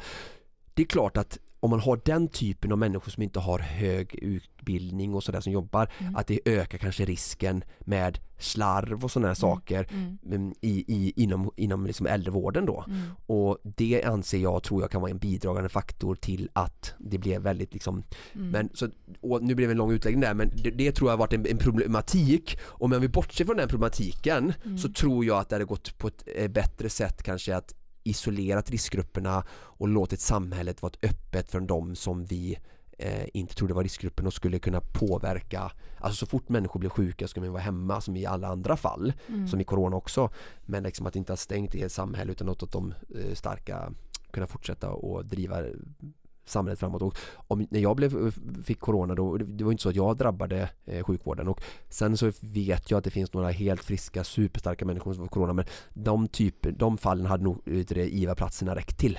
Mm, mm, mm. Men, och sen är det ju så här att, då är så här, nu pratar vi mycket om strategier men min strategi hade förmodligen inte varit sämre för att jag tror att det som är i grundbotten är ju så här att de människorna som drabbades och har drabbat sjukvården det är människor som inte har tagit ansvar, alltså människor som är jättesjuka, jättedåliga, överviktiga, rökare, människor med KOL, jag ska ta upp en lista här som Socialstyrelsen gjort som har varit de som varit största utsatta riskgrupperna, de som har hamnat på eh, sjukhus jag kan tänka mig att de kanske också, om de misskött sig hela livet, så är det som säger att de har tagit ansvar i att hålla eh, avstånd eller att hålla mm. sig inne, kanske alltså skydda sig själva. Säg att de går ut, blir smittade, är riskgruppen, vet om det, så kommer de belasta sjukvården. Så att egentligen kanske det är så här liksom att om vi hade haft min strategi att vi ska skydda riskgrupperna och vi har öppet för allihopa så är inte jag säker på att, att vi hade så mycket mer eh, coronadödsfall eller eh, liksom IVA-platser upptagna för att det är fortfarande de här människorna som har hamnat på IVA har ju någonstans blivit smittade för mm. att de är ett är riskgrupp och blir väldigt svårt sjuka och för att de också då har fått corona för att de har liksom kanske jag vet inte, inte isolera sig så mycket de borde med tanke på sin mm, mm. riskgrupps liksom, mm. ja. Mm. Det är mycket att processa för våra kära Konditionspodden-lyssnare denna, detta avsnitt må mm. jag säga. Och vi flaggar precis som vanligt för att om du eh, har åsikter som håller med, som går emot, mm. som du vill eh, bidra med, tveka inte att höra av er. Vi vill gärna höra ifrån er. Eh, ni når oss enklast via sociala medier såklart. Eh, jag går vidare lite här eh, och då är det en, eh, en rapport som Socialstyrelsen fick i uppdrag att göra gällande identifiering av riskgrupper som löper störst risk av att drabbas allvarligt i sjukdomsförloppet vid insjuknande covid-19. Ja. Och då ska jag bara läsa upp dem lite här, de har gjort dem i punktform och då har de ålder mm. och sen har de cancer Eh, och sen så har vi eh, hjärt-kärlsjukdom. Mm. Och sen har vi hypertoni. Mm. Vet du vad det är för någonting? Nej, det Högt inte. blodtryck ah, okay. är det ett ord för. Mm. Diabetes. Ja. Njurfunktion. Eh, fetma. BMI 40 eh, transplantation ja, eh, och sen så står det eh, just det, eh, KOL eller lung eh, Nedsatt lungkapacitet. ja, precis. Mm. mm. Bra, då har vi dem där. Det var liksom en grupp och sen har de skrivit lite rapporter kring det men det är alltså de som har eh, överlägset representerade i de som har alltså då eh, drabbats hårt av corona. Det är det. inte att de har blivit smittade för det nej, smittade nej, det blir ju allihopa. Nej, um, så. Um, så då har vi med oss dem lite när vi går in i och, och pratar lite om vad de här eh, egentligen Alltså definitionen är jag ute efter lite och liksom vad det är, vad de här sakerna är för någonstans och jag vill ju försöka bygga mitt case lite här såklart liksom på att hur de här livsrelaterade sjukdomarna som fanns innan är också exakt de som vi hittar kopplade som riskgruppspersoner eh, mm, mm. till stundande pandemi om man säger så. Um, ska vi se här då, eh, hjärt-kärlsjukdomar eh, och sen hade vi, eh, trots stora framsteg i vården eh, fortsätter hjärt-kärlsjukdomar att vara den största orsaken till sjukdom och död i världen. Så att förutom att det, eh, det är den största riskgruppen så är det fortfarande också en av de största, ehm, vad ska man säga, ehm, åkommorna eller sjukdomarna som, mm. som, som dödar mest människor. Eh, och sen har vi då som de här andra sakerna är oftast eh, som jag nämnt varit inom diabetes, fetma är oftast förstadier till hjärt-kärlsjukdomar. Eh, och faktorer som diabetes, fetma och åldrande ökar risken för hjärt-kärlsjukdom. Gemensam nämnare för dessa tre faktorer är att eh, blodkärlen eh, utsätts för oxidativ stress det vill säga produktionen av fria radikaler och det här är egentligen syreradikaler i kroppen Um, och det här uh, för oss in på någonting som är väldigt spännande tycker jag som jag ska koppla till just livsstil mm. och det är just oxidativ stress någonting som jag rumlade på i skolan men som inte jag har lagt så mycket eh, vikt vid det. Var länge sedan jag, jag, har tänkt på det bara men jag kom över det när jag läste den här um, artikeln um, från Karolinska institutet um, och då tänkte jag uh, bara prata lite kort om det det är välkänt eh, att faktorer som diabetes, övervikt, åldrande innebär ökad risk för hjärt-kärlsjukdom. Men på vilket sätt? Och eh, hela grejen med det här nu då, arbetet från deras sida är för liksom att verkligen, eh, som jag har försökt visa här också, det finns väldigt mycket information och kunskap men jag mm. har ju en frustration någonstans här att jag tycker bara att det stannar. Yep. Förstår du vad jag menar? Alltså mm. att, och det är det jag försöker liksom lyfta lite här nu också i det här avsnittet, liksom att det, det, känns som att när jag har mer och mer research jag gör så ser jag bara så här att jag, jag kan plocka pusslet och se att det finns ju massa gemensamma nämnare, man kan se, jag kan se liksom mönster ja. och, och liksom orsaker till situationer som det är men varför gör ingen någonting? Och eh, just då oxidativ stress är någonting man har hittat just för att i sin forskning för att kunna liksom komma till bukt av hjärt-kärlsjukdomar för att det är överlägset den sak som dödar mest människor i världen um, um, för att utveckla nya och ännu bättre behandlingar krävs det förstås um, veta hur, sjukdoms, uh, hur sjukdomen uppstår, uppstår. Mm. förklarar Francesco Constantino vid uh, klinisk kardiovaskulär forskning. Det är välkänt uh, att faktorer som diabetes, fetma och åldrande kommer igen här då yeah. Som jag sa, diabetes, fetma och hög ålder mm. är ju saker som Risk. har lett till, mm. till att, alltså en död eller svår eh, covid-19 infektion. En gemensam nämnare för dessa tre faktorer är att blodkärlen utsätts för oxidativ stress. Och det här vill säga en överproduktion av fria radikaler, de här syreradikalerna som jag sa, som eh, eh, händer i kärlväggarna. Konstantino verkar också överläkare vid Karolinska universitetet och hans forskning spänner från laboratoriebänk till kliniska försök. Eh, så då har vi alltså då oxidativ stress som är en, en de har hittat nu att det här, här behöver vi hitta någonting som är orsaken till hjärt-kärlsjukdomar. Mm. Och då har jag eh, gått vidare lite och så pratat, eh, liksom läst mig in lite mer på eh, oxidativ stress och vad det är och hur vi kan behandla det. Mm. Och egentligen då oxidativ stress det kommer ifrån när vi har, det kan komma ifrån för mycket träning eh, och eh, Eh, oftast, eh, ska vi säga här, eh, skadligt syre, eh, tyvärr innehåller, eh, är det från en modern livsstil mm. som inklud, inkluderar miljöföroreningar, stress, livsmedel med dålig kvalitet, obalanserade, obalanserade dieter eh, som gör att vi utsätts för mer fria radikaler. Och, och då menar jag så här liksom att eh, både miljö då, alltså man ser här återigen här nu som att jag har ofta sagt till folk att Corona var en smäll på käften för att visa att så vi håller på och lever funkar inte längre. För jag hävdar att hade vi levt Ja men vi kan prata om miljön, det ska vi inte gå in för så mycket idag men det är fortfarande också en livsstilsrelaterad liksom, mm. Eh, effekt. effekt. ja.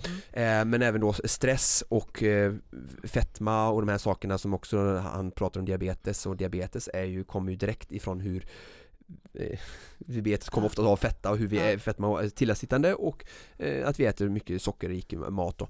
Och, och alla de här sakerna eh, bidrar ju till detta eh, och eh, då står det lite mera här ehm, eh, Angreppen, eh, om inte försvaret i kroppen eh, klarar eh, ta hand om de fria radikalerna drabbas vi av förhöjd oxidativ stress. Då uppstår biokemiskt slitage vilket på sikt kan ge bestående cellskador och försämrad hälsa. Obalansen kan leda till att vi mår sämre, obalansen gör att vi åldras snabbare och risken för att dö bland annat hjärt-kärlsjukdomar och cancer mm. ökar. Och nu kommer det tillbaka igen, ordet cancer mm. och ofta så känner jag i debatten så här att cancer är någonting som bara händer. Men väldigt mycket forskning som vi har och som finns men det är nästan som att det har blivit någon sån här offerkofta på alla cancerpatienter att det där händer bara och åh herregud har din, har din moster cancer och vad hemskt, ja vad det är så tragiskt. Det finns liksom ingen sån där typ ja, finns det något eget ansvar i detta? Alltså precis, om någon människa kör ihjäl sig 200 km i timmen så är det ingen som kommer säga så här, beklaga och vad, liksom, det är klart de beklagar men, men, men så här, det var ju jädrigt onödigt eller mm, dumt mm. att du körde i 250 km i timmen rätt mm. in i, på en motorcykel på en uh, ishal väg liksom mm. och så är det lite så här typ, ja men där ser man ju att verkan och konsekvens men när någon dör i cancer så det är aldrig någon som frågar så här, hur har du, vad har du tagit för ansvar i ditt liv? Hur har du levt ditt liv? Eller liksom, och då är det så här, då är det mycket folk också, men den personen såg väldigt frisk ut och allting så här, men det, det kan ju finnas massa saker i livsstilen som inte bara är fetma, även om fetma kan vara en väldigt stor eh, bakomliggande orsak till cancer som vi har läst här nu, mm. så finns det även andra saker som då oxidativ mm. stress som kan eh, komma ifrån fler saker än, och därför, det, det hela tiden det jag försöker få detta mot är ja. att visa hur sjukdomar och hur vi människor bär ett väldigt högt ansvar mm. ur, hur, över hur situationen är. Mm. Att vi allihopa någonstans hur våra val, och det är det här jag menar att trots corona händer nu så är det ju ingen som har sagt att eller inte som har lyft de här sakerna tillräckligt mycket tycker jag. Om vi ser till exempel om, om dödstalen har ju, är ju höga i trafiken så vi jobbar ju jättemycket hela tiden med åtgärder att eh, växelvisa körfält, ökade liksom eh, mm. trafikkontroller och eh, ja, men... menar, där är vi väldigt noga att liksom, men den här, den här dödstalen är liksom miljoner gånger större ja, men ja. det finns inte alls den liksom, Nej. vad är alla effektiva insatser.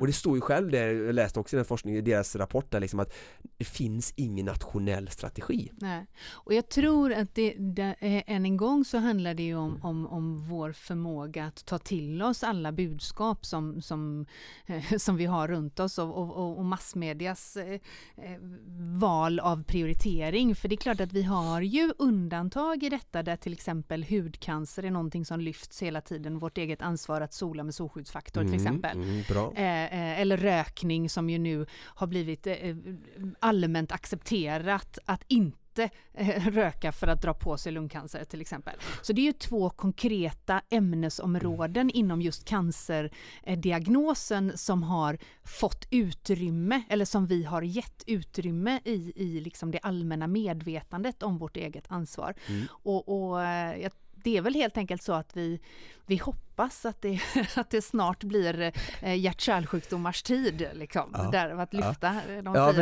fria angrepp. Tänk, tänk vilken glädje jag får den dagen vi tar hjärt-kärlsjukdomar så allvarligt mm. som vi tar covid-19. Mm. Eller hudcancer. Mig, eller, ja. ja. precis, mm. eller hudcancer, precis, eller något annat som verkligen dödar många. Mm. Men tyvärr, hjärt-kärlsjukdomar dödar ju sju gånger mer än hudcancer ja. så att det behöver vara, kanske vara den som verkligen får högst eller ja. mest Men Jag tänker mer att det, det blir liksom, det, det, vi hamnar ju ofta och det är lite tillbaka där vi startade det här avsnittet i den polariserade debatten att ofta hamnar vi i, i det massmediala samhället och i, i, i sociala medier att man tar stånd, ståndpunkt, vi tar ställning för en fråga ja. så som trafiksäkerhet, nollvision mm. eller eh, hudsjukdomar relaterade till solning eller de här konkreta enkla åtgärderna då.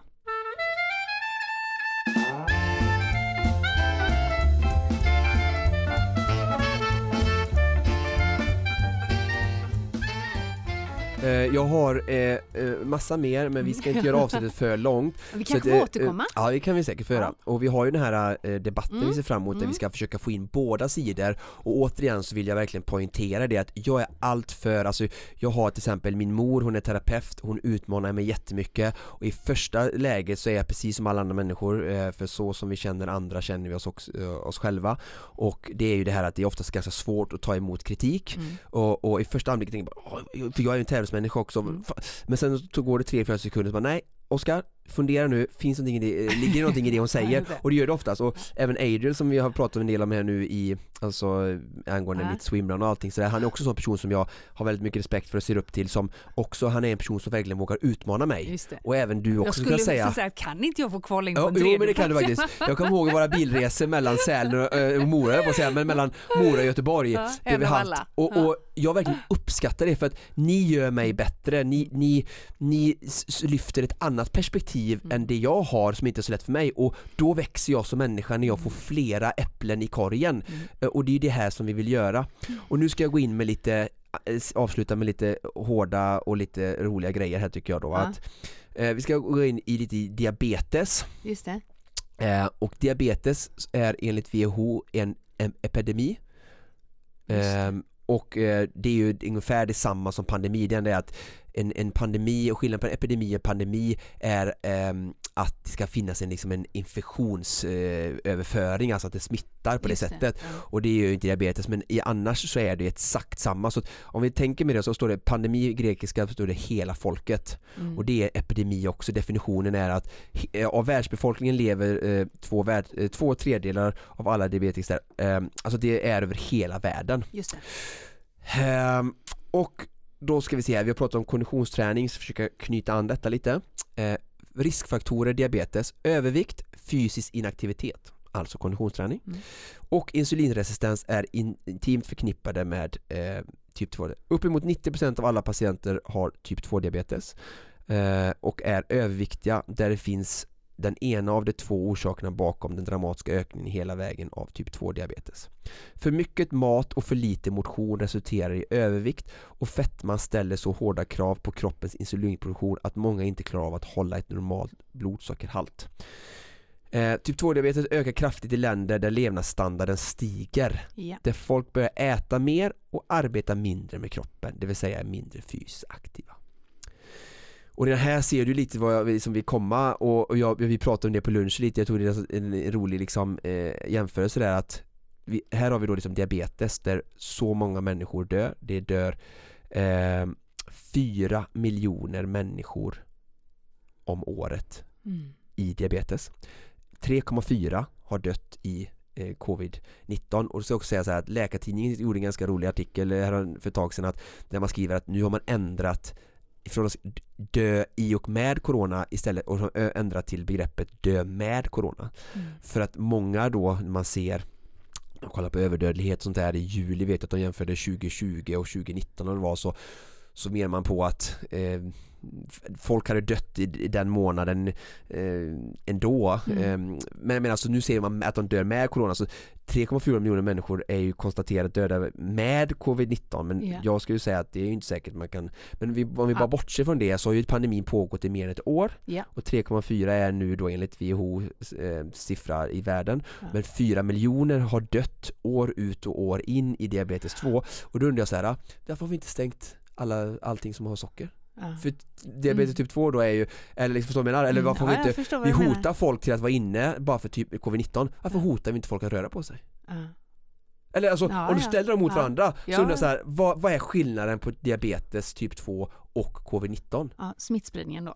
Och den egna människans ansvar. Jo fast, den, jo, fast jag menar absolut, men jag menar smittspridningen, men smittspridningen är ju inte, det som vi pratar om är ju dödstalet i så fall. Mm. Smittspridning är ju problem. Nej. För, Att, ja, men för att alltså, smittspridningen av andra influenser är ju också jättestark. Mm. Mm. Förstår du vad jag menar? Men det är ju att så många som dör antar jag och belastar sjukvården måste väl vara huvudanledningen till att vi har sådana hårda krav. Ja precis men jag, jag var på din, på, på din första frågeställning varför mm. har vi inte stängt ner? Och då, Nej varför har vi inte tvingat folk ut att röra på sig för att och inte där, fyra miljoner människor ska ja. dö varje år? Och där, där, anledningen till att vi inte har gjort det ja. Eh, är ju för att vi värderar den fria eh, människans vilja, människans fria vilja så högt. Vad är den fria viljan att inte vaccinera sig då? Ja, det, det däremot är en helt annan diskussion mm. eh, som där det samhället någonstans tar då någon form av eh, övergripande Förmyndar. förmyndarroll. Ja. Men, men anledningen till att vi inte då väljer att liksom mm, ha tvångsträning. Mm. Eh, jag, säger, jag säger inte att det här är svaret, jag bara nej, utmanar nej, alla människor på den här jordens tankesätt. Men då tror jag att svaret där är ju att eftersom vi då värderar den människans fria vilja så högt så någonstans eh, så har, har ju det, sen har ju den uppenbarligen då lett fram till denna eh, förödande statistik. Ja, tack för att du ger mig lite perspektiv och eh, svar. jag vet inte det var det grundläggande ja, ja. svaret men ändå. Eh, jag ska fortsätta lite här. Eh, typ 2-diabetes ökar kraftigt, har jag sagt. för ungefär en tredjedel tredjedel av alla människor med typ 2-diabetes i Sverige består behandlingen av att lägga om matvanor, att gå ner i vikt samt vardagsmotion. Mm. Återigen det här kopplingar liksom till vilka som inte är i riskgrupp, vilka som är i riskgrupp enligt Socialstyrelsen och mm. vad som är liksom nyckeln. Det är konditionsträning, det är därför ni lyssnar på Konditionspodden. Mm. Viktminskning gör att den egna insulinproduktionen räcker till igen och ökar fysisk aktivitet förbättrar känsligheten för insulinet och blodsockernivåerna blir då åter den normala. 425 miljoner Nästan var tionde människa i världen har diabetes. Diabetes är sedan länge världens snabbaste växande folksjukdom. De senaste två åren har antalet diabetiker ökat med 10 miljoner. 2045 kommer antalet vara ungefär 200 miljoner till, alltså närmare 700 miljoner. Detta är en ökning på 48% på 27 år. 1985 när jag föddes, Frida, mm. Då fanns det 30 miljoner diabetiker och 2018 finns det alltså 425. Så under, mitt, under min lilla obetydliga levnadstid under människans otroligt långa så har vi skapat en epidemi mm. genom vårt sätt att äta att vi, och röra ah, på oss ja, ja. på över 400 miljoner människor. Vi kanske får ringa vår kompis Peter Gide igen och göra ett helt avsnitt av detta det finns ju de som faktiskt ägnar ganska stor del av sin vakna tid till att för driva den här diskussionen. Ja, men jag, precis och det, det är väldigt intressant för jag undrar och jag så här, det är ju beundransvärt för jag känner att det jag, min uppfattning av det Gide gör och många andra gör det är ju för att liksom eh, de som redan har fått diabetes, att ja. göra vardagen mer dräglig, att hitta att de kan leva ett normalt liv, vilket jag tycker är väldigt bra och sen också såklart hjälpa dem att eh, hålla, hålla bukt på eh, sin diabetes med hjälp av typ motion och sånt ja, där ju. Ja. Men jag pratar ju om liksom att, att stänga ner ja. fucking godisaffärerna, att förbjuda McDonalds. Nej, men jag bara så här, Och så roligt så här, jag tänkte på det här förut att eh, oxidativ stress som vi är inne på eh, det var också en sån rolig sak jag tänkte på, så tänkte jag så här att oxidativ stress då, det är ökade syreradikaler, fria radikaler i blodcellerna. De här tas hand om av antioxidanter. Vad finns antioxidanter? I bär, grönsaker, frukt, helt riktigt, nej, men i alla bär, grönsaker, starka färger. Ja. 400 gram är det eh, rekommenderade intaget per dag.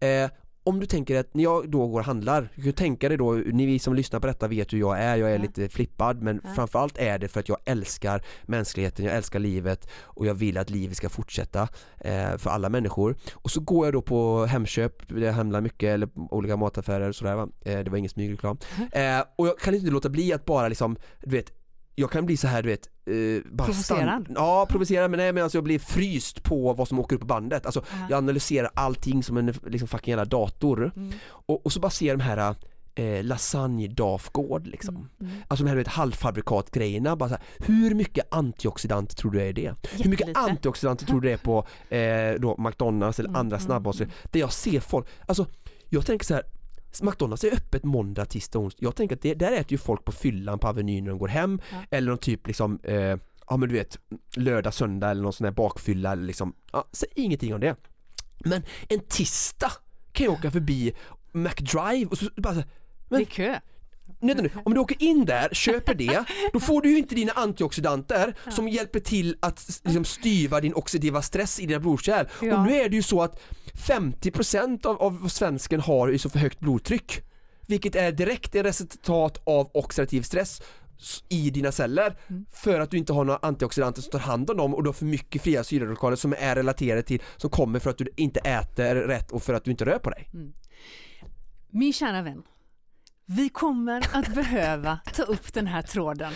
Det är bra att du är så snäll mot lyssnarna och bara dödar mig nu för att det här går för liksom, Nej, men och det är också så här Oskar, att det här är Eh, det här är ju kärnan av hela våran poddverksamhet naturligtvis. Nu har vi, satte vi en, en, en, rubrik idag som någonstans var en nulägesanalys på, på, på hur vi mår i spåren av pandemin och vi hamnar ju i kärnan av poddens eh, syfte, vilket är otroligt intressant och jag vågar här och nu, för det här har jag redan bett dig om tidigare, mm. flagga för att vi kommer att återkomma till kosten. Mm. Eh, för det är ju ett kärt ämne för många som både tränar mycket och som vill ta hand om sin kropp och kanske inspireras att bli ännu bättre. Mm. Så jag tror nog att antioxidanter kommer att återkomma, eller hur? Absolut, ja. jag älskar antioxidanter. Ja, bland annat i form av blåbär på mitt frukostbord varje dag. Tror du jag kommer få mycket hatbrev efter avsnittet? Nej, tror jag inte. Jag tror du kommer få mycket kärlek. kan skicka hatbreven till mig så kan jag sortera och dem. Ni behöver inte tycka som mig. Vi tar, jag och vi tar tacksamt emot alla åsikter välkomnas för vi vill bara hjälpas åt med olika nyanserade men eh, bra synsätt för att lyfta perspektiv så vi kan komma framåt. Och jag som sagt har inte alla svar men eh, som ni som lyssnare, engagera gärna, tyck till, skriv, kommentera vårt inlägg på det här avsnittet Skicka mail, meddelanden Så ska vi ta med oss detta vidare. Och eh, framförallt bygga upp, jag kommer försöka ta upp det här att alltså Lobba för lite mer frågor till våran debatt som vi ska ha i höst här då, Precis. live eh, sändas. Um, Och det blir såklart också ett avsnitt som kommer läggas ut. Um, Men så vi kan ju samla på oss kommentarer och eh, eh, vad heter det, åsikter till Och där också. söker vi ju dig som kanske har eh, jobbat under pandemin ja, med jajamän. sjukvården eller liknande. Du som har egna erfarenheter, egen kunskap. Hör av dig om du vill eh, vara med och precis som Oskar säger nyansera diskussionen och eh, bidra med fler perspektiv. Vi vill höra ifrån dig helt enkelt. Ja du Oskar, det här var allt vi hade att bjuda på för den här veckan. Ja. Och vi kommer ju få anledning att återkomma som sagt. Ja, nästa vecka tror jag att det, jag, tror, jag ska inte avslöja, äh. men jag tror att det kommer vara ett ämne där jag ska få vara ute lite på hal is och det känns väl kul att jag ska få inte vara så bekväm. Det brukar ju ja. oftast vara ju. Ja, och jag kan inte påstå att det är på min hemmaarena heller, men jag tror att både en och tre Konditionspodden-lyssnare kommer att känna igen sig i den konditionsidrott, får vi ändå kalla det, ja. som vi kommer att besöka nästa vecka. Det blir kul. Men det här var allt vi hade att bjuda på och precis som vanligt produceras Konditionspodden av Fredag. Connect Brands with People.